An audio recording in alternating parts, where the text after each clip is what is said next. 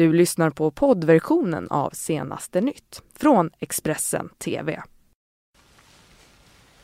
Välkomna hit till senaste nytt här i Expressen TV denna tisdag. Nu tar vi en titt på våra huvudrubriker. Socialförsäkringsministern väntas pricka av KU idag. Bekant till Ystadsfamiljen anmälde sin oro för de isolerade barnen för flera år sedan men myndigheterna agerade inte. Och Trumps besök i Storbritannien fortsätter idag samtidigt som protesterna mot honom är omfattande. Ja, socialförsäkringsminister Annika Strandhäll klarade sig igenom misstroendeomröstningen mot henne i riksdagen förra veckan. Men idag presenterar konstitutionsutskottet sin granskning av den så kallade Begleraffären. Mm, och enligt uppgifter till Aftonbladet så kommer Strandhäll att prickas.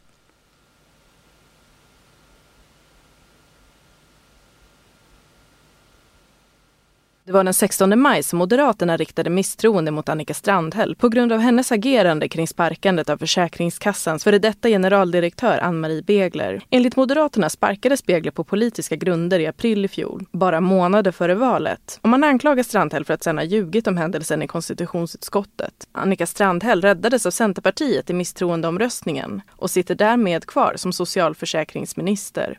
Men idag presenterar konstitutionsutskottet sin granskningsrapport och enligt uppgifter till Aftonbladet kommer Annika Strandhäll att prickas. Enligt tidningen är alla ledamöter överens om att hon ska få kritik. Men hur hård den ska vara råder det delade meningar om. I konstitutionsutskottet har Moderaterna, Kristdemokraterna, Liberalerna och Sverigedemokraterna majoritet. Och det är de partierna som riktar svidande kritik mot Strandhäll. Enligt Aftonbladet anklagar ledamöterna varandra för att politisera konstitutionsutskottet.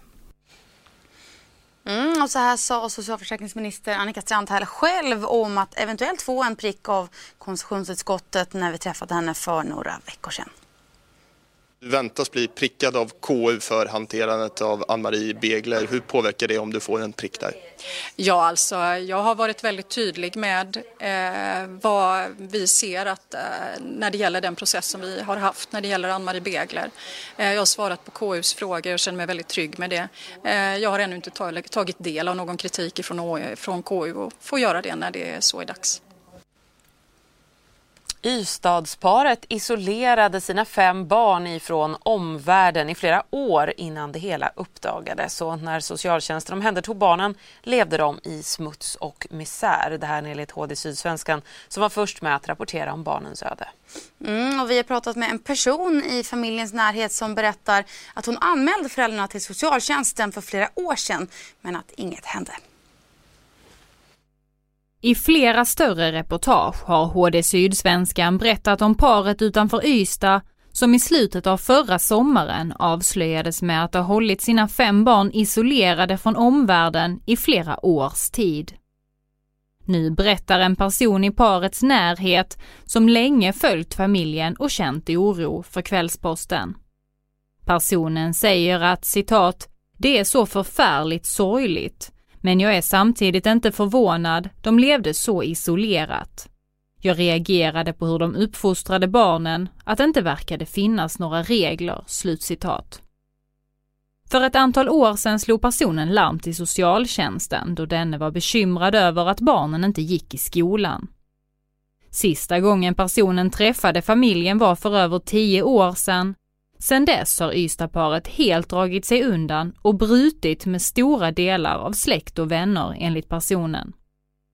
Paret har genom åren hävdat att barnen studerar via en webbaserad skola i USA eftersom familjen rest mycket på grund av föräldrarnas jobb. 2018 började Skatteverket misstänka att någonting inte stod rätt till. Man kom fram till att föräldrarna i flera års tid levt på bidrag och inte haft några jobb som innebar långa utlandsvistelser. Det utmynnade i att barnen blev akut tvångsomhändertagna.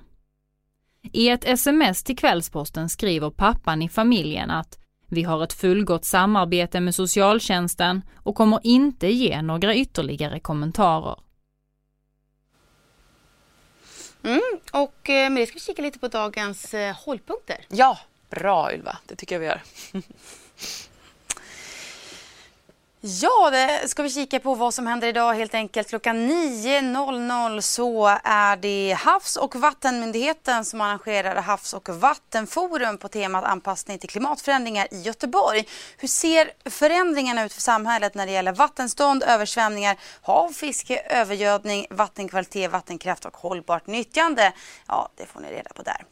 Klockan 12 då är det pressträff eh, med konstitutionsutskottet om Strandhäll, eh, om granskningsbetänkandet om eh, om hon gjorde rätt i att sparka Försäkringskassans tidigare generaldirektör Ann-Marie Begler alltså. Och klockan 10 över 3 då håller Theresa May och Donald Trump en pressträff efter deras möte i London. Ja, och nu så ska vi till Uppsala och närmare bestämt till Akademiska sjukhuset, barnsjukhuset där som nu kritiseras av Inspektionen för vård och omsorg efter att en treåring som visade sig lida av leukemi skickades hem tre gånger utan rätt vård. Det här skriver Uppsala Nya Tidning. Mm, och vid de tillfällen som familjen sökte vård på sjukhuset för barnets smärtor så fick de råd att ge pojken Alvedon. Detta trots att föräldrarna var mycket oroliga och ville att vården skulle ta blodprov för att utesluta blodcancer. Polisen går nu ut och varnar för en ny våg av massutskick på mejl som skickats ut eh, under gårdagsnatten till mängder av svenskar. I det falska mejlet står det att mottagaren kidnappas om hen inte betalar 2000 enheter av kryptovalutan bitcoin till utpressaren. Enligt polisen ska man inte känna någon oro för en eventuell kidnappning om man fått det här mejlet och man ska helt enkelt radera det. Mm, och med det ska vi till politikens eh, värld. För eh, nu så har partiledarkampen i Liberalerna ju intensifierats. Nu så reser Johan Persson, Nyamko Sabuni och Erik Ullenhag runt i landet tillsammans. Och första stoppet på den här turnén det var ju här i Stockholm igår kväll. Ja, nästan 400 personer kom för att lyssna på utfrågningen. Och eh, man kan konstatera att i många av frågorna är de eh, rätt överens. Och Nyamko Sabuni sa så här efteråt. Vi är ju alla tre liberaler, så mycket kommer att handla om personlighet. Vem tror man är bäst lämpad för att föra ut det liberala budskapet? Mm, och Expressens politiska skribent Torbjörn Nilsson var också på plats och kommenterade det hela så här. Det var en civiliserad tillställning, som det alltid är i det här gamla folkpartiet.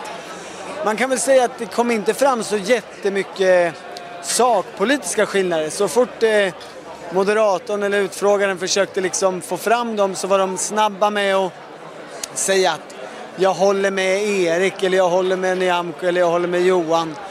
Så det var inte jättetydligt men jag tyckte det var ganska tydligt att de är tre väldigt olika personer och med ganska olika ingång i politiken. De fick ju en hel del frågor om klimatet, vilket är väldigt viktigt för många väljare nu. Vad tycker du om deras svar kring det?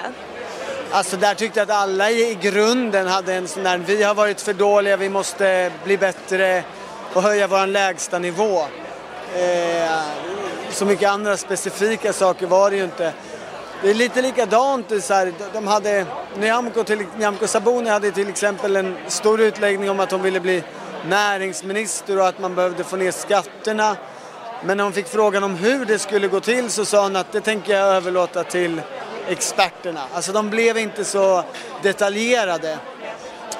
Erik Ullenhag fick också eh, en fråga om hur ska liksom partiet, eller det fick alla, hur partiet blir större utanför storstäderna. Och då hänvisade han gång på gång till partiets frisinnade historia och tradition men han hade liksom ingen konkretion i hur man skulle liksom väcka den till liv igen, om det är möjligt och ja, finns det några sådana väljare utanför storstäderna liksom idag?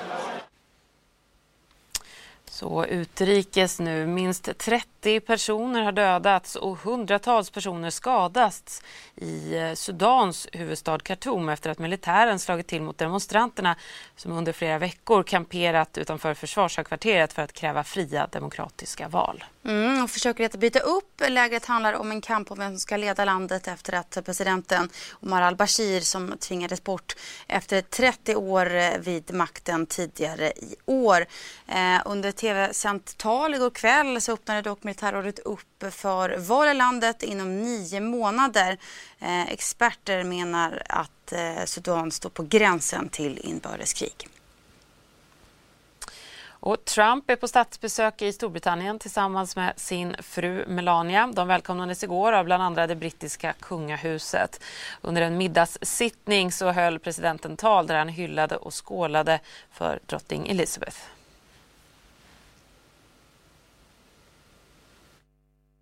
From the Second World War to today, Her Majesty has stood as a constant symbol of these priceless traditions. She has embodied the spirit of dignity, duty, and patriotism that beats proudly in every British heart. On behalf of all Americans, I offer a toast to the eternal friendship of our people, the vitality of our nations, and to the long cherished and truly remarkable reign of Her Majesty the Queen. Mm, under en middagssittning så höll även eh, drottning Elizabeth ett tal där hon bland annat pratade om den historiska relationen mellan Storbritannien och USA, inte minst under andra världskriget. As we face the new challenges of the 21st century, the anniversary of D-Day reminds us of all that our countries have achieved together. After the shared sacrifices of the Second World War, Britain and the United States worked with other allies to build an assembly of international institutions to ensure that the horrors of conflict would never be repeated. While the world has changed, we are forever mindful of the original purpose of these structures nations working together to safeguard a hard won peace. Teknikjätten Apple kommer att stänga mediespelaren iTunes och istället fokusera på de tre tjänsterna Apple Music, Apple TV och Apple Podcasts. Mm, iTunes har sedan lanseringen 2001 eh, länge varit världens största onlinebutik för musik. Man, eh, man har eh, nu blivit omsprungen och utkonkurrerad av andra musikstreamingtjänster de senaste åren. Du har lyssnat på poddversionen av Senaste nytt från Expressen TV. Ansvarig utgivare är Thomas Mattsson. Ett poddtips från Podplay. I fallen jag aldrig glömmer djupdyker Hasse Aro i arbetet bakom några av Sveriges mest uppseendeväckande brottsutredningar. Går vi in med hemlig telefonavlyssning och, och då upplever vi att vi får en total förändring av hans beteende. Vad är det som händer nu? Vem är det som läcker? Och så säger han att jag är kriminell, jag har varit kriminell i hela mitt liv men att mörda ett barn, där går min gräns. Nya säsongen av Fallen jag aldrig glömmer på Podplay.